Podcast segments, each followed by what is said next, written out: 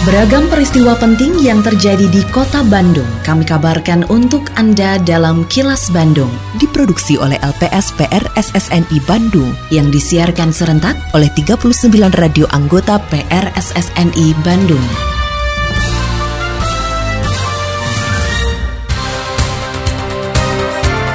Sejumlah informasi aktual kami hadirkan untuk Anda dan inilah informasi utamanya. Dinas Perhubungan cek kelaikan bus H-7 mudik lebaran. Penuhi kebutuhan air Perumda Tirtawening segera bangun SPAM Bandung. Ratusan juru parkir terima bantuan paket sembako. Saya, Santika Sari Sumantri, inilah kilas Bandung selengkapnya.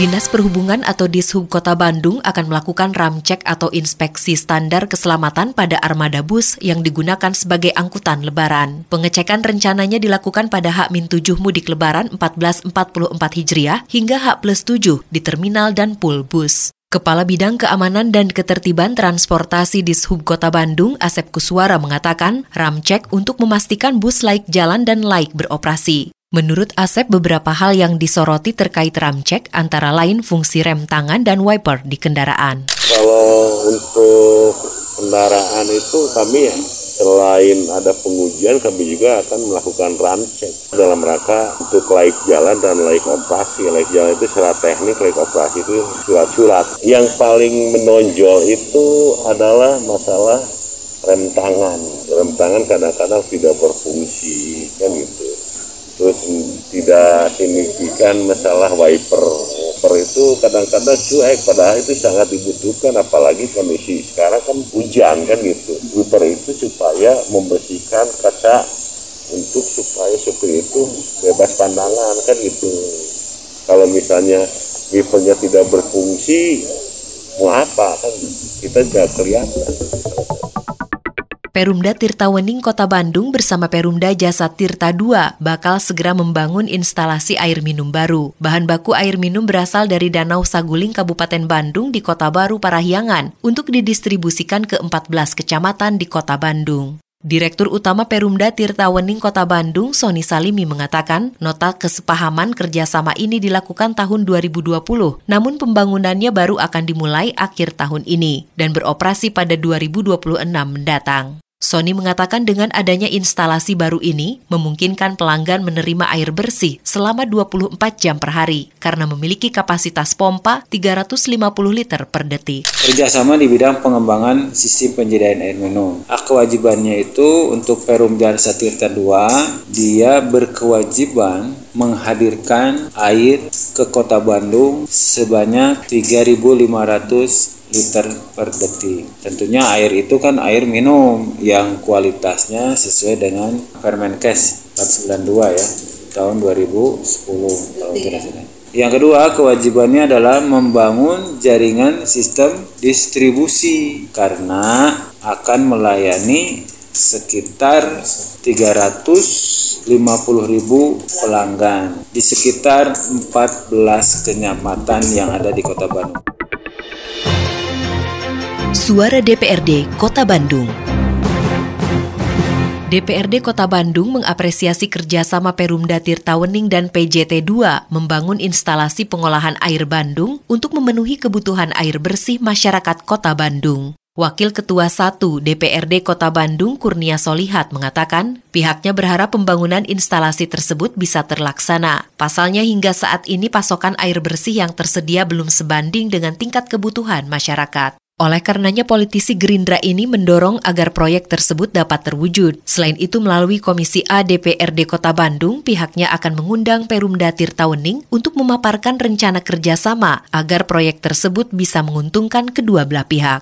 Tanggapan kami dari legislatif mengenai rencana Perumda Tirtawening Kota Bandung yang akan mengembangun SPAM Bandung bekerja sama dengan PJT 2 dan didanai oleh PT Dana Reksa, kami harapkan itu bisa terlaksana. Karena kita ketahui bahwa Kota Bandung ini ini kebutuhan air masyarakat itu adalah sekitar 6.000 liter per detik. Hari ini Kota Bandung baru bisa terpenuhi dari Badak Singa saja hanya 2.250, dari Cikalong 700 dan dari sumur-sumur yang ditarik itu sekitar 3.000. Maka kita masih kekurangan 3.000 liter per detik untuk memenuhi kebutuhan Kota Bandung. Seperti yang tadi dipaparkan oleh Dirut bahwa membangun IPA Saguling itu kapasitasnya sampai 3.500 berita per detik. Hal ini tentu akan dapat membereskan permasalahan yang ada selama ini akan kekurangan air baku. Karena permasalahan masyarakat tidak bisa terpenuhi hari ini adalah karena masalah air baku. Kini, audio podcast siaran Kilas Bandung dan berbagai informasi menarik lainnya bisa Anda akses di laman kilasbandungnews.com.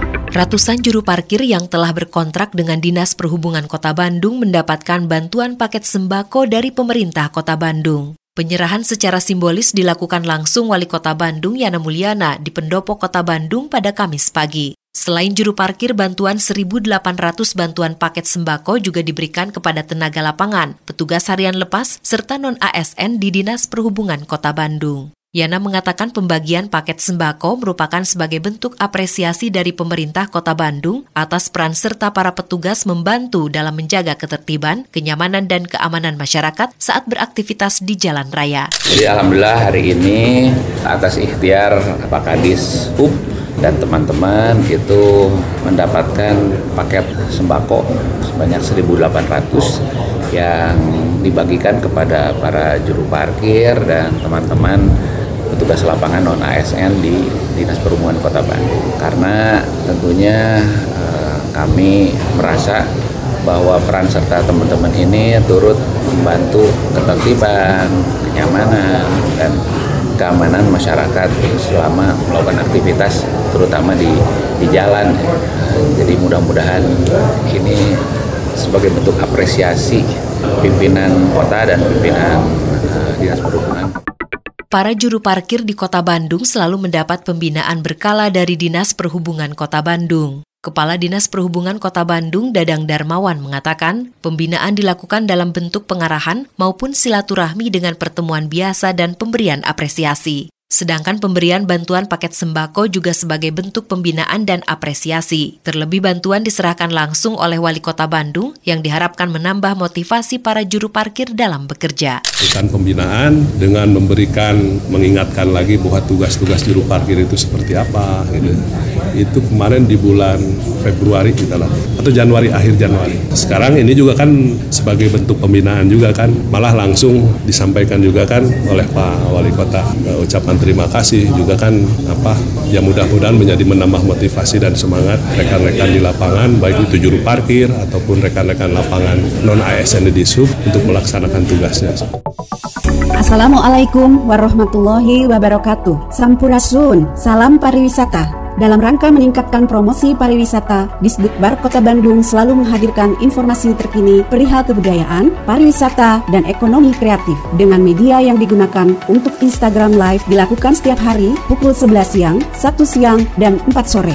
Dan untuk siaran radio reguler dilaksanakan setiap hari Jumat pada pukul 13.30 di Radio Sonata FM. Dan untuk konten foto, video, serta konten lainnya ada pada Instagram tic.bandung. Dan buat Anda yang ingin mencari mencari informasi secara langsung, dapat mengunjungi kantor Turis Information Center di tiga lokasi. Lokasi pertama di kawasan Masjid Raya Bandung, lokasi kedua di Bandara Hussein Sastra Negara, dan lokasi ketiga ada di Lobi Hejo 23 Pascal Shopping Center Bandung. Mari dukung kemajuan pariwisata di Kota Bandung dengan follow Instagram tic.bandung. Hatur nuhun. Wassalamualaikum warahmatullahi wabarakatuh. Lindungi diri dari COVID-19 dengan selalu memakai masker saat beraktivitas dan berinteraksi. Tetap patuhi protokol kesehatan untuk mencegah penularan virus corona karena pandemi belum usai. Terima kasih Anda telah menyimak kilas Bandung yang diproduksi oleh LPSPR SSNI Bandung.